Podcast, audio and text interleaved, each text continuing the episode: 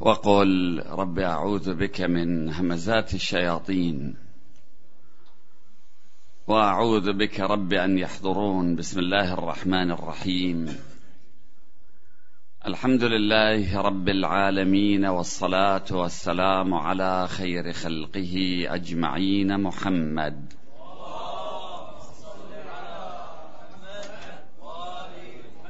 وعلى أهل بيته الطيبين الطاهرين المعصومين المكرمين وبعد.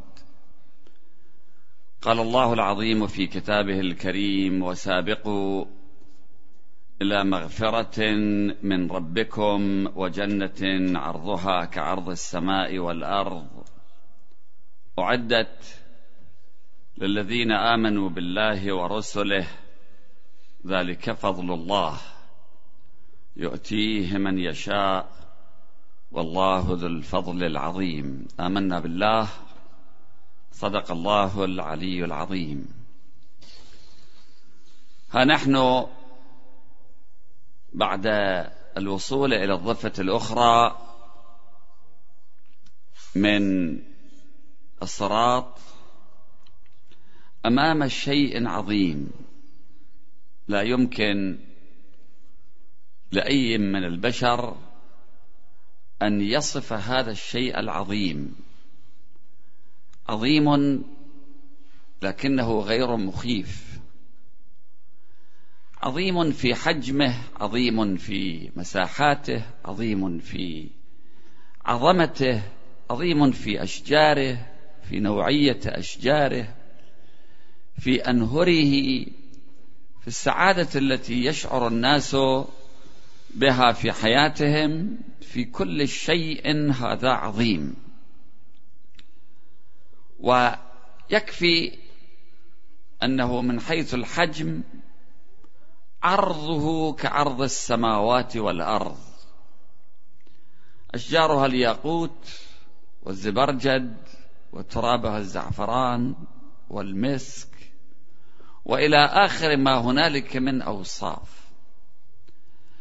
قبل الدخول في الجنة والحديث عنها وعن نعيمها لا بد من بيان ثلاثة مواضيع مهمة. الموضوع الأول أن السعادة التي نبحث عنها في هذه الحياة هي سعادة داخلية. يظن البعض أنه يمكن أن يحصل على السعادة من طريق الحصول على بعض الأشياء على بيت على سيارة على زوجة على منصب. لكن حتى هذه وربما تكون من أسباب السعادة إلا أنها لن تجعلك سعيدا إلا إذا شعرت بالسعادة الداخلية.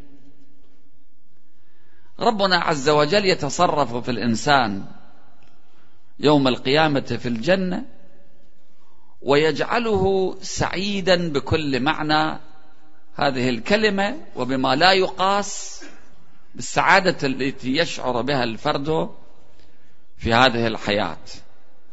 هنالك تبديل لطبيعة الإنسان بما في ذلك شعوره بالراحة شعوره بالحبور شعوره بالسعادة هذه أمور يتصرف فيها ربنا بالنسبة إلينا.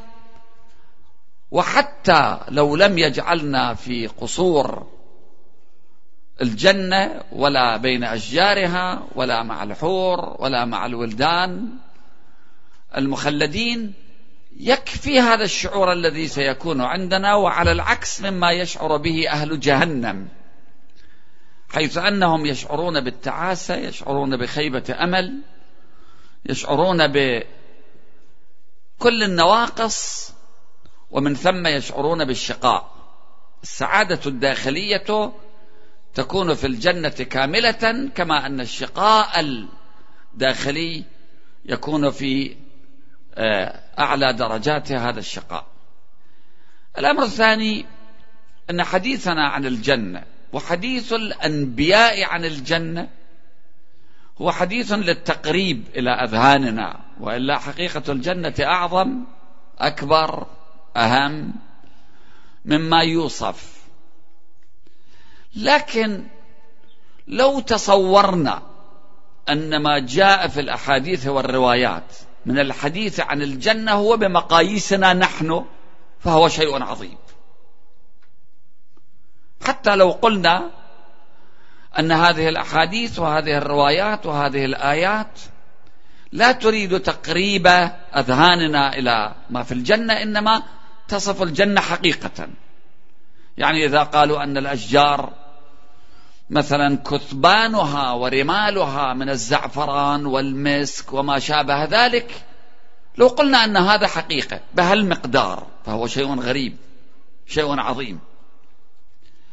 نحن والجنة وبعض التساؤلات التي قد نسمعها هنا وهناك عن الجنة مثل ذلك الضفدع الذي كان يعيش في حفرة صغيرة. يظن أن الكون كله هو عبارة عن هذه الحفرة وأن الماء الذي يسبح فيه هو أقصى ما يمكن أن يوجد من الماء وأن حرية الحركة التي يملكها في داخل تلك الحفرة الصغيرة هي أقصى ما يمكن أن يحصل عليها ضفدع من الضفادع حتى إذا جاء طوفان كانت حفرته قريبة من البحر الطوفان رمى ببعض الماء إلى داخل حفرة هذا الضفدع وكان في هذا الماء الذي جاء من البحر كان فيه كانت فيها سمكة فنظرت نظر الضفدع إلى السمكة من أين أنت؟ قالت من البحر. والبحر أين؟ بحر شيء عظيم. مياه كثيرة. حرية حركة بلا حساب. الضفدع يريد يقيس البحر الآن يريد يعرف يتصور البحر اللي هاي السمكة لتشرحه إلى فمد يده قال يعني وسعة البحر بمقدار إيدي سمكة قالت أكبر من هذه. مدت مد الضفدع يديه يعني وسعة البحر بمقدار اليدين. لا بابا ما تقدر تستوعب. البحر أكبر من هذا. فمد رجليه ويديه يعني ممكن شيء أكبر من هذا من إيدي ورجلي. سمكة قالت إيه أكبر من هذه المياه الموجودة والحفرة اللي إحنا فيها؟ إيه أكبر؟ الضفدع قال ما صدق تخيلات أوهام ما معقول. كانوا يقولون لنا عن ملك الجنة سابقا وأقول سابقا قبل أربعين عاما مثلا كيف تقولون أن الجنة عرضها كعرض السماء والأرض مثلا؟ وأن أحد المؤمنين أراد أن يعرف مساحة قصره فسأل أحد الملائكة فقال له طرت كذا سنة وأنا ما كملت قصرك يعني معقول؟ قصور أكبر مما عندنا. يعني مثل الضفدع نمد إيدنا ونقول البحر يعني هالقد بهالطول. الجنة شيء غريب حتى كما قلت إذا أخذنا الأوصاف بمقاييس هذه الدنيا. ربنا يقول إذا رأيت ثم إذا تشوف رأيت نعيما وملكا كبيرا. شوف عبارة الدنيا صيغة المؤنث من الأدنى. أدنى للمذكر دنيا للمؤنث. كل شيء تقيس الدنيا بالآخرة كل شيء أدنى من الآخرة. الوسعة السعادة القصور اللذات الأطعمة. نعم أتوا به متشابها. يعني تجد تفاحة. هل هي مثل هذه التفاحة؟ لا تفاحة مختلفة. يعني شلون؟ ما تقدر تعرف. مقاييسك ضيقة أنت. أنت الشيء اللي شايفه تقدر تتخيله. أو اللي تتخيله في نفسك ربما تطمح في الوصول إليه وتراه عظيما وكبيرا. بس الجنة أكبر من الخيال أكبر مما يستوعبه عقل. كل شيء في الدنيا هي الدنيا بالنسبة إلى الآخرة أدنى من الآخرة. اليوم مع الاكتشافات التي اكتشفها البشر في الفضاء والمقاييس التي تستخدم هي سرعة النور 300 ألف كيلومتر في الثانية. ثم يقولون هنالك كوكب على بعد مليار سنة ضوئية. كل ثانية 300 ألف كيلومتر. كل دقيقة شوف إيش قد؟ اضربه في اليوم في الشهر في السنة. مليار سنة كوكب بعيد منا. شوف الفضاء. هذا خلق الله في الدنيا. أما الجنة عرضها كعرض السماء والأرض. يأتي أحد إلى رسول الله صلى الله عليه وآله وسلم يقول إذا كانت الجنة عرضها كعرض السماء والأرض. هذا ما مستوعب القضية. يعني يفكر حينما رب العالمين يقول هذا الكلام يعني الجنة هنا. في هذه الدنيا الجنة. إذا وين النار؟ فأين جهنم؟ النبي ضرب له مثال حتى يقرب القضية إلى ذهنه.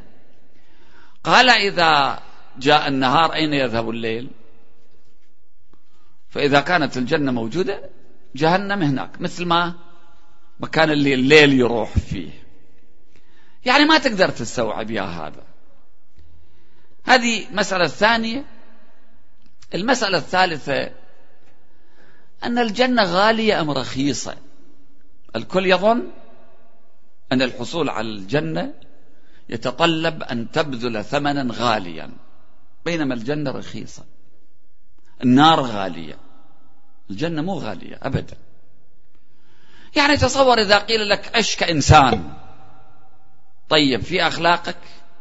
مؤمن صادق خلوق. بعض العبادات التي لا تأخذ من وقتك الكثير. 17 ركعة خلال 24 ساعة. إذا واحد يصليها بدون المستحبات 17 دقيقة. 17 دقيقة في 24 ساعة تصلي يوميا. بالسنة تصوم شهر وهذا الصوم في مصلحتك.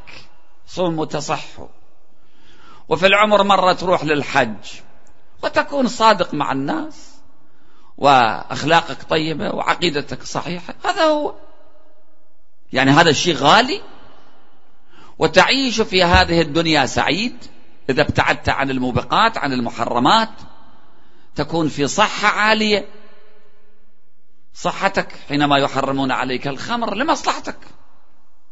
حتى لا تصاب بألف مرض. ومرض حينما يحرم الدين عليك الزنا لكي لا تصاب بالإيدز.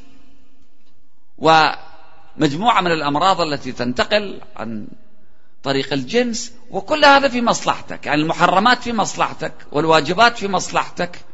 وبعض الأعمال التي تؤديها ضمن معيشتك وأكلك وشربك ونومك وبنائك ووظيفتك وسيارتك وزوجتك وأولادك وكلها موجودة عندك. إن المتقين ذهبوا بآجل الدنيا وعاجل الآخرة. عاجل الدنيا وآجل الآخرة. شاركوا أهل الدنيا في دنياهم ولم يشاركهم أهل الدنيا في آخرتهم. الجنة مو غالية. الجنة واقعا رخيصة. إضافة إلى ذلك لو قيل لك أن هنالك شجرة ثمارها من ذهب تعطي تفاح لكن هذا التفاح ذهب أو ألماس. بس هذه الشجرة لكي تشتريها تحتاج إلى أن تشتغل 15 يوم 20 يوم مثلا. تشتغل عند واحد يعطيك هالشكل شجرة. تقول يسوى شجرة. دائما تعطي ثمار من الذهب. يسوى إيش قد ما إحنا نصرف من وقت عليها؟ إيش قد ما نصرف من مال عليها؟ لو قيل لك أن هنالك يا نصيب بدولار لكن احتمال تربح مليار دولار بدولار. حقيقة الآن لو طرحوا يا نصيب في العالم أن مليار دولار وتشتري ورقة اليا نصيب بدولار. طبعا احتمال أن تربح هذا اليانصيب هو واحد في عشر مليارات مثلا. مثل واحد يدور على إبرة في صحراء من القش. احتمال أن يصل إليك بعيد جدا. مع ذلك تشتري. احتمال بدولار تربح مليار دولار. رب العالمين يعرض عليك أكثر من هذا. ومو يا نصيب بالحظ يمكن تربح أو ما تربح. يقينا تربح. حينما يقال لك كلمة لا إله إلا الله الحمد لله سبحان الله تقولها بلسانك. كل كلمة تتحول إلى شجرة من أشجار الجنة اللي كل غصن من أغصانها تسوى الدنيا وما فيها. أو يقال لك إذا كنت من الصالحين تربح ملكا كبيرا تصور الجنة قلاع بناء عظيم قصور عظيمة وأشجار كبيرة والذين يعيشون فيها ملوك. أنت في الجنة لست مجرد إنسان تملك قصر. أنت سلطان. أنت ملك. شعبك من الملائكة. كنت أقول لبعض الإخوة كل واحد الآن يطمح أن يصير رئيس حتى لو رئيس بلدية. قصارى شغلة أنه يفتح شوارع وما شوارع والقوانين تقيدة ومو حر كامل في كل شيء. لكن كم من الناس يتنافسون على أن يصبحوا رؤساء بلديات مثلا؟ يعني يتحكمون في عمال النظافة بالشوارع بس يشعر بأنه حاكم ولو على عمال النظافة أو تعبير الخليجيين إمارة ولو على حمارة. في الجنة أنت ملك وشعبك ملائكة. يوميها ما يتمردون عليك ويطلعون مظاهرات ضدك والربيع العربي والعجمي والتركي والهندي. كل هالأشياء ماكو. ملك تعيش. وفي الجنة يعيش الملوك. أنت ملك وغيرك ملك. وتحصل على كل ما تريد. شيء مهول. هذا الوعد الإلهي بالنسبة للمؤمنين في الجنة. أول ما يدخل العبد في الجنة تأتيه رسالة من الله بعد دخوله واستقراره من الحي الذي لا يموت إلى الحي الذي لا يموت. أما بعد فأنت مثلي أو مثلي. أقول للشيء كن فيكون وتقول للشيء كن فيكون.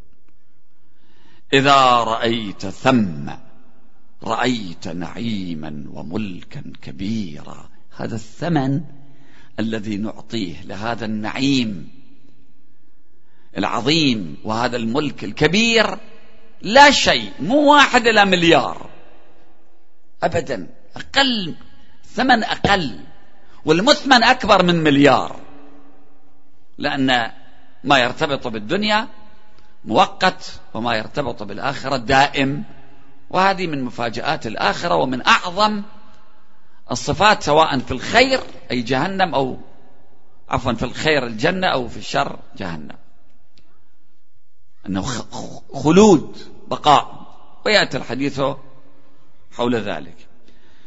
إذا شيء من المعرفة شيء من الإيمان بالله شيء من السؤال والطلب شيء من حسن الخلق شيء من العطاء شيء من العبادة والنتيجة تحصل على نعيما وملكا كبيرا. يعني هذا كثير هذا الثمن اللي تدفعه مو رخيص لما تحصل عليه. الشاب عندنا يتعب نفسه يشتغل حتى يقف على رجليه يعمر بيت يجمع مال يشتغل وظيفة حتى يتزوج ويحصل زوجة. تشيخ معه وتعجز. ولا يمكن أن تعطيه كل السعادة التي يتصورها. على زوجة واحدة لفترة معينة في فترة الشباب تكون جميلة. وبعد مدة هم تصبح مثله هو عجوز وهي عجوزة وتذهب اللذات حور العين. يعني تريد الحور العين بدون ما تدفع مهر؟ مثل ذاك اللي صلى ركعتين مكسرات بعدين رفع إيده وزوجنا من الحور العين. سمعه النبي صلى الله عليه وآله وسلم. قال هذا المهر مالك قليل لحور العين. لقد أرخصت المهر. بس الركعتين وحور العين وجنة عرضها كعرض السماء والأرض.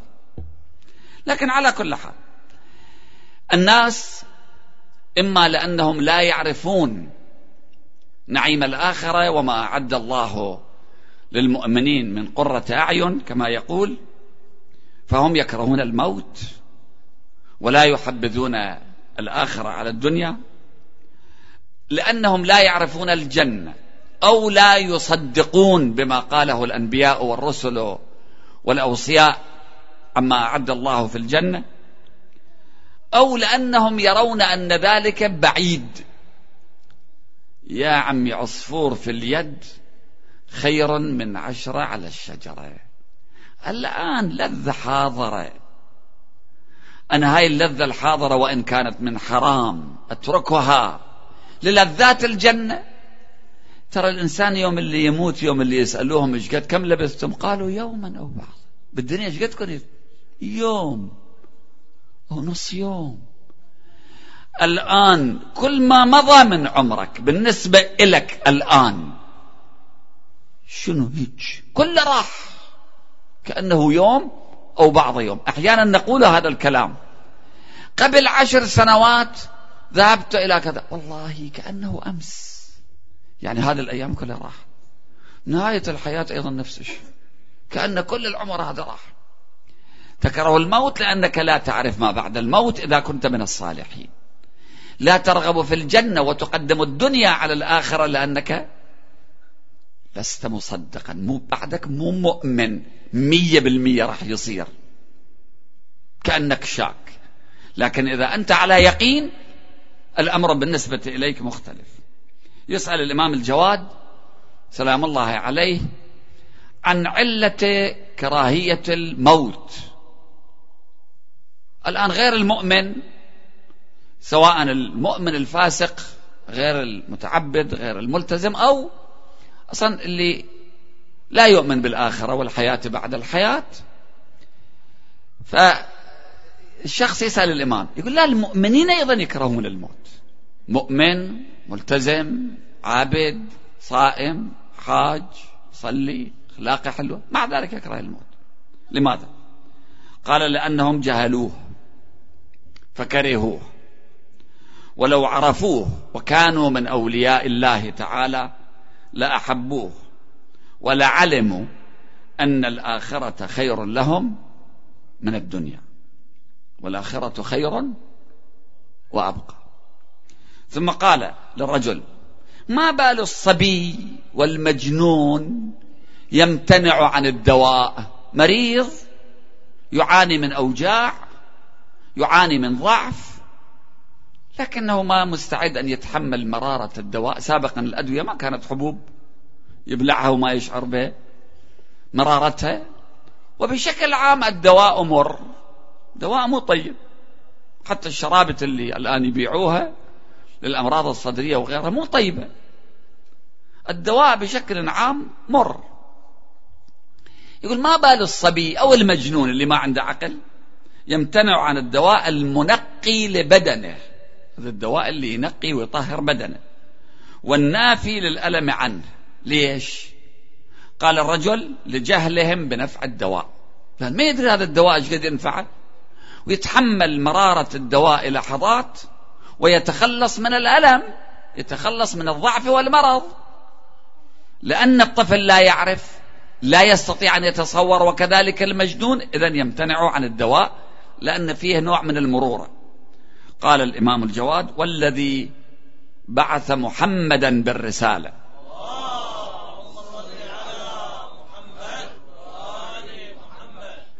إن من استعد للموت استعد مسبقا مو يوم اللي ده يروح يستعد. إن من استعد للموت حق الاستعداد فهو أنفع له من هذا الدواء لهذا المتعالج. أما أنهم لو عرفوا ما يؤدي إليه الموت من النعيم لاستدعوه وأحبوه أشد مما يستدعي العاقل الحازم الدواء. كانوا يحبون الموت. ألا موت يباع فأشتريه؟ متى يأتي أشقاها ليخضب هذه من هذا؟ الإمام علي يقول متى يأتي؟ ننتظره. أشد مما يستدعي العاقل الحازم الدواء لدفع الآفات واجتلاب السلامات. الموت راحة من كل سوء. عندك آلام؟ الموت يعالج آلامك. عندك قلق؟ الموت يخلصك من القلق. المؤمن بالنسبة إليه الموت حل كل مشاكله. حتى المشاكل الخارجية. عنده مشكلة ديون عنده مشكلة سكن عنده مشاكل سيارته ثيابه بيته عائلته. كل هاي المشاكل تخلص منها اللهم اجعل الوفاة راحة لي من كل شر. والحياة زيادة لي في كل خير. أضف إلى ذلك الأمل بالله. خليك عندك أمل برب العالمين. وتصديق لما يقوله الله عز وجل على ألسنة أنبيائه فيما يرتبط بنعيم الجنة والآخرة. تعالوا نتعلم من واحد أعرابي. أعرابي حسب التعبير العراقي يعني مع يدي. الناس عادة يستهزئون بالأعراب الذين يعيشون في البوادي والصحاري باعتبار عنده قلة فهم ما بيتعلم ويعتبروه كأنه أنزل من مستواه. بينما النبي صلى الله عليه وآله وسلم في الطواف إذ سمع أعرابيا يقول يا كريم! النبي وراء يا كريم! فقال النبي معه يا كريم! فالتفت فمضى الأعرابي إلى جهة الميزاب وقال يا كريم. فقال النبي يا كريم. فتعرف في حالة الطواف أحيانا يختلط, يختلط دعاؤك بدعاء الآخرين. تقرأ فرد دعاء وتسمع الناس يقرون دعاء ثاني تمشي وياهم بس هذا يقول يا كريم والنبي وراه يقول يا كريم. فالتفت الأعرابي إلى النبي وقال يا صبيح الوجه. طالع شاف وجه النبي. قال هو أصبح مني وأنا أملح منه. عن يوسف. النبي كان جميلا. أنبياء الله كاملون حتى في أجسامهم.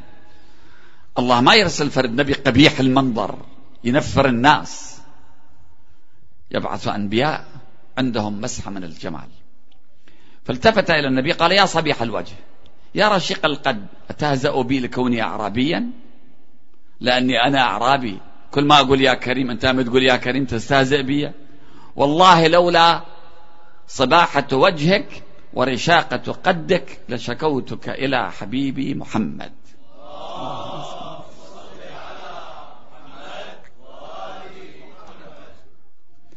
فتبسم النبي. قال أما تعرف نبيك يا أخ العرب؟ هذا نبيك بتعرفه؟ قال الأعرابي لا. قال النبي فما إيمانك به؟ شلون أنت مؤمن به وما تعرف قال آمنت بنبوته ولم أره وصدقت برسالته ولم ألقه. قال النبي يا أعرابي اعلم أن نبيك في الدنيا وشفيعك في الآخرة أنا. نبيك أنا اللي تشتكي علي عنده. أنا نبيك في الدنيا أنا شفيعك يوم القيامة في الآخرة. فأقبل الأعرابي يقبل يدي النبي ورجليه صلى الله عليه وآله وسلم فقال النبي مهلا يا أخ العرب لا تفعل بي كما تفعل الأعاجم بملوكها. كان الأعاجم قبل الإسلام يؤلهون الملوك يتخذونهم أربابا من دون الله يقبل إيده ويقبل رجله وكأنه رب. قال لا تفعل بي كما تفعل الأعاجم بملوكها فإن الله سبحانه وتعالى بعثني لا متكبرا ولا متجبرا. أنا مو متكبر. أنا ما يعجبني فرد واحد الشكل يسوي وياي. من باب نعم أنت تقبل يد النبي جبهة النبي تقبل يد أبيك تقبل جبهة أبيك قبل موضع النور من جبهته بالنسبة للمؤمن في الروايات. هذا جيد. لكن نوع من تأليه الطرف الآخر خطأ. بل بعثني بالحق بشيرا ونذيرا. فهبط جبرائيل. النبي ده يتكلم مع هذا الأعرابي وإذا بجبرائيل ينزل على النبي وقال يا رسول الله السلام يقرئك السلام ويخصك بالتحية والإكرام ويقول لك قل للأعرابي لا يغرنه حلمنا. يا كريم ويا كريم ترى حلمنا لا يغر. لا يغرنه حلمنا ولا كرمنا فغدا نحاسبه على القليل والكثير والفتيل والقطمير. له راح نحاسبه فقال الأعرابي بعد أن نقل النبي له هذا أخي جبرائيل يقول هكذا قال أو يحاسبني ربي يا رسول الله؟ صدق راح يحاسبني الله؟ قال النبي نعم يحاسبك إن شاء. فقال الأعرابي وعزته وجلاله. شوف مقدار المعرفة اللي عند هذا الأعرابي. وعزته وجلاله. إن حاسبني لحاسبته. الله يحاسبني أنا حاسبه. فقال النبي وعلى ماذا تحاسب ربك يا أخ العرب؟ قال إن حاسبني ربي على ذنبي حاسبته على مغفرته. يقول ارتكبت ذنب يقول يا رب مغفرتك وين؟ إن كنت لا ترحم إلا المطيعين فمن للعاصين وين مغفرتك؟ وإن حاسبني على معصيتي حاسبته على عفوه. وإن حاسبني على بخلي حاسبته على كرمه. فبكى النبي منطق جميل صادق فيما يقول. فبكى النبي حتى ابتلت لحيته. جبرائيل قال الكلمة وراح. هبط مرة ثانية. فهبط جبرائيل على النبي وقال يا رسول الله السلام يقرأك السلام ويقول لك قلل من بكائك فقد ألهيت حملة العرش عن تسبيحهم شغلوا بيك. هذا رسول الله لولاه لما خلق الله الملائكة والأفلاك. في حالة البكاء قلل من بكائك فقد ألهيت حملة العرش عن تسبيحهم وقل لأخيك الأعرابي يقول الله لا تحاسبنا ولا نحاسبك وهو رفيقك في الجنة. بلاها لا أنت تحاسبنا ولا إحنا نحاسبك. وهو رفيقك في الجنة. يعني وياك في درجتك. أعرابي. يا ليت. نحن الذين نعتبر أنفسنا فوق أمثال هؤلاء والمثقفين والعلماء وبقية المؤمنين. عندهم هذا النوع من الإيمان وهذا النوع من المعرفة. الله يدخل الجنة على معرفته. نحتاج إلى المعرفة. إلى معرفة الله عز وجل الخضوع لله الأمل به وعدم اليأس من رحمته. جينا إلى الجنة. شنو الجنة؟ إحنا عندنا ثلاثة أشياء قبل الدخول في الجنة. الأمر الأول أن نعرف المواصفات العامة للجنة. الأمر الثاني أن نعرف المداخل أو حسب تعبير الروايات أبواب الجنة. الأمر الثالث أن نعرف الجواز لدخول الجنة. شوفوا من اسم الكتاب تعرف المحتوى. من اسم الأشياء تعرف محتواها. ذهب. تعرف يعني شنو ذهب؟ ألماس. تعرف ألماس شنو؟ ياقوت زبرجد جواهر. أسماء الجنة تعطينا فرد تصور معين عما في الجنة. آه، ما هي أسماء الجنة؟ لا أريد التفاصيل إنما أريد المرور بشكل سريع وهو أن أسماء الجنة تبين بعض صفات الجنة. كما نعرف بعض درجاتها وطبقاتها. الإمام الباقر يقول أما الجنان المذكورة في الكتاب فإنها جنة عدن وجنة الفردوس وجنة نعيم وجنة المأوى. وإن لله جنانا محفوفة بهذه الجنان. هاي الجنان المذكورة في القرآن فردوس جنة عدن جنة نعيم جنة المأوى. أيضا في جنان تحف بهذه الجنان وإن المؤمن يكون له من الجنان ما أحب واشتهى يتنعم فيها كيف يشاء. الأمر متروك لك شو تريد تطير؟ طير تريد تدخل داخل الماء وتعيش داخل الماء تدخل داخل الماء وتعيش. تريد تتبدل وتتغير.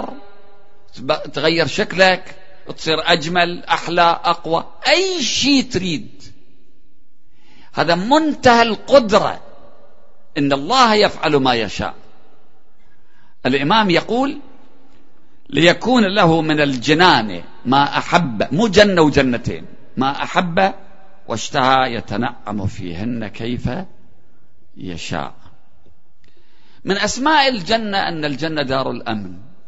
أنت في الدنيا لا تعيش في حالة من الأمان. حتى لو كنت تعيش في أكثر الدول أمنا وأمانا. بالنتيجة عندك نوع من القلق. القلق على أمور داخلية أحيانا. قلق على مستوى السكر في دمك على الضغط في الدم على الكوليسترول على الجلطة على أي شيء. دائما عندك تخوف من مفاجآت قد تحدث لك وهي تحدث بالفعل. وأنت جالس في سيارة آخر موديل لكن تخاف من الاصطدام. أنت متقيد بالقانون بس مو بالضرورة غيرك متقيد بالقانون. هؤلاء الذين اصطدموا هؤلاء الذين قتلوا. هم كان الطرفين يريدون يعملون اصطدام وأحدهم يقتل والثاني يجرح لا. فقد يكون الخطأ دائما عندك نوع من القلق لكن الجنة دار الأمن. إن المتقين في مقام أمين. إلى أن يقول في جنات وعيون يدعون فيها بكل فاكهة آمنين. يشعر بالأمان المطلق. ادخلوها بسلام آمنين. ونزعنا ما في صدورهم من غل إخوانا على سرر متقابلين لا يمسهم فيها نصب. تعب ما في. وما هم منها بمخرجين. ما حدا يطلع منك. الآن أنت لا تدري. كما حدث في بعض البلاد. وقد وقعت فيها حروب أهلية. الجار قتل جاره بدل ما يدافع عنه حق الجار على الجار بدل ذلك بالعكس صار مصدر الأمن هو مصدر القلق ومصدر الخوف ومصدر الموت. الإمام علي سلام الله عليه يقول كونوا من أهل الحق تعرفوا به وتعارفوا عليه فإن الله خلق الخلق بقدرته إلى أن يقول وجعل ثواب أهل طاعته النظرة في وجهه في دار الأمن والخلد. الجنة دار الأمان. هذا العنوان هذا الاسم يبين لك صفة من صفات الجنة. الجنة دار المقامة. ما عندك ضعن وخروج. لا أنت تريد الخروج من الجنة ولا أحد سيخرجك من الجنة. وما هم بمخرجين. يمكن أنت في أي مكان تخاف لا يكون واحد ظالم يصادر منك حقك ويأخذ منك عملك مصلحتك بيتك. إلى آخره. هناك ماكو هذا الشيء. دار المقامة. يقول الإمام زين العابدين الحمد لله على ما عرفنا من نفسه وألهمنا من شكره حمدا نعتق به من أليم نار الله إلى كريم جوار الله.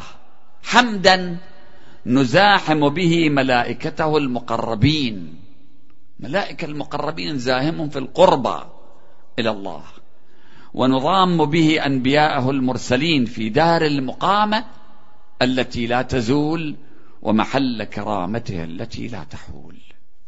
هذه من أسماء الجنة. دار الأمن دار المقامة دار الكرامة. هم في أمان هم ما حد يجي عليك ويزعجك. حتى الآخرين أحيانا أنت رجل طيب بس في ناس يحسدوك عنده غل عليك عنده حقد عليك.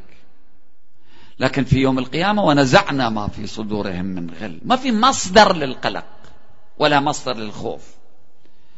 ودار الكرامة أنت مكرم.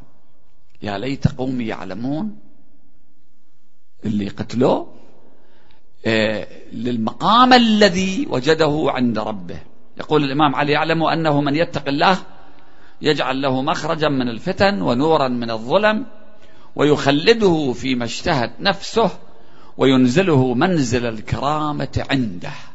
تكون كريم مو عند رئيس دولة مو عند مرجع التقليد مو عند رئيس العمل والشغل مالك والبوس.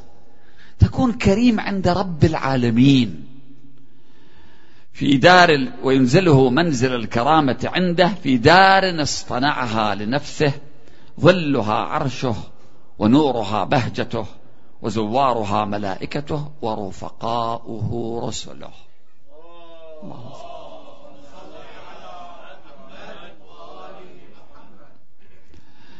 أيضا من أسماء الجنة النعيم. نعم شنو يجي في بالك من أنواع النعم؟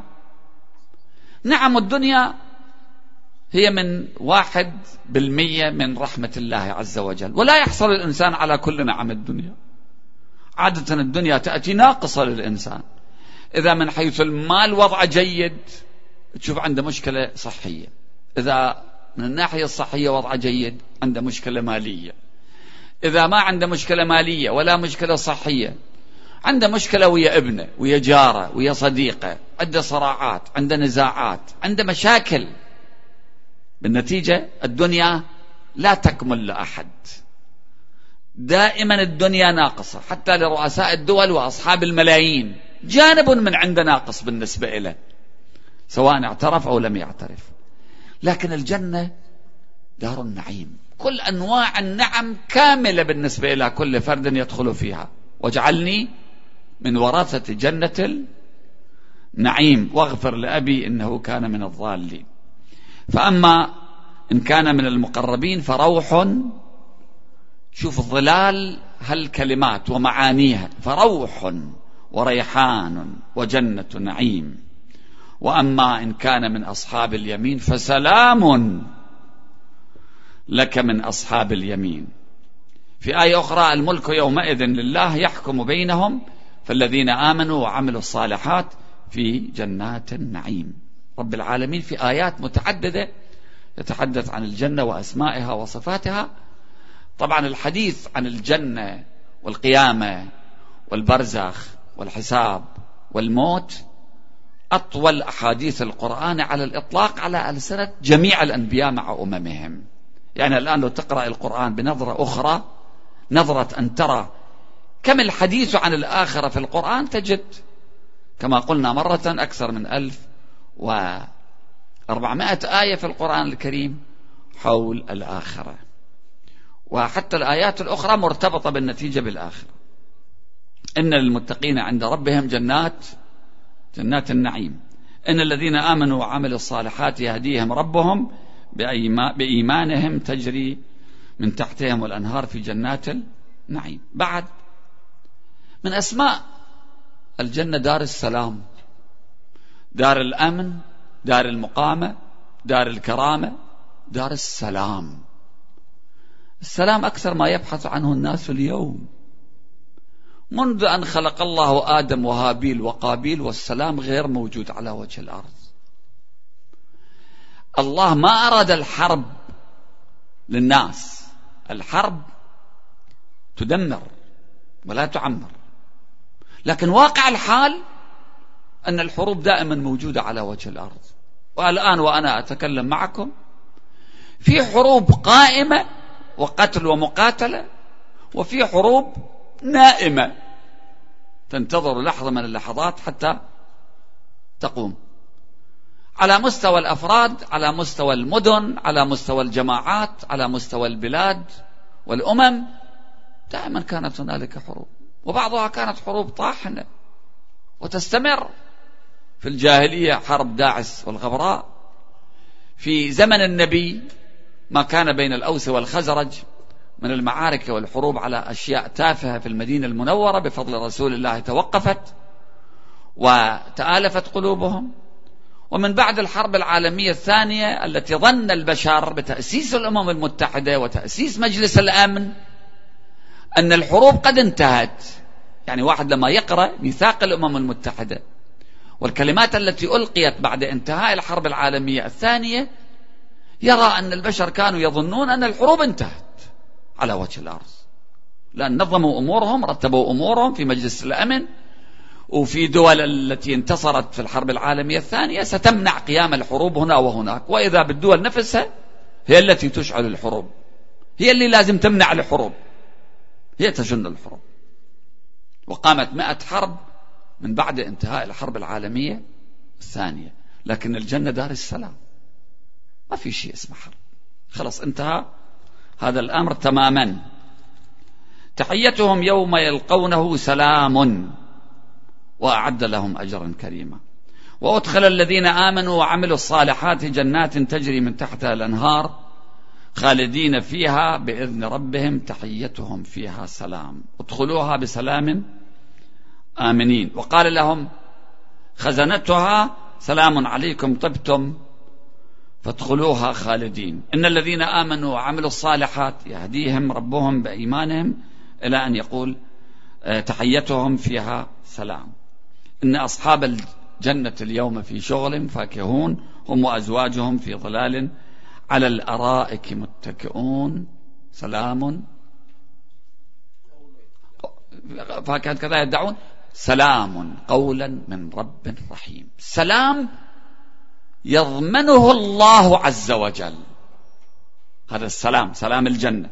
سلام قولا كلمة قالها ربنا لا يتراجع عنها. وفي الروايات عندنا لكل شيء قلب وقلب القرآن سورة ياسين وقلب القلب هذه الآية. سلام قولا من رب رحيم. لأن اعتداء أحد على أحد أو قيام الحروب تنغص عليك كل نعيم أنت فيه. لنفترض أنت تعيش في قصر لكن خايف. هذا نعيمك ناقص ناقص عليك. تخاف واحد يعتدي عليك واحد يرميك واحد يقتلك مرض يجي عليك فيروس يدخل في جسمك. لكن بالنسبة للجنة سلام قولا من رب رحيم. إذا أكبر هواجس الناس الأمن في هذه الدنيا ومصادر الخوف وأكبر الأخطار الذي يهدد الجماعات الحروب الشخصية والقبلية والطائفية والقومية والأممية وما شابه ذلك. أما الجنة فمنذ البداية سلام سلام سلام سلام حقيقي. سلام داخلي. أحيانا أنت عندك مشكلة ويا نفسك تعيش صراع. يظهر هذا الصراع في الأحلام أحيانا. شوف صراعات داخلية عندك. تقول والله ما عشت بارحة بالليل براحة. ما ارتاحيت بارحة بالليل. يا ليش ما ارتاحيت؟ لأن كان عنده مشكلة داخلية صراع داخلي.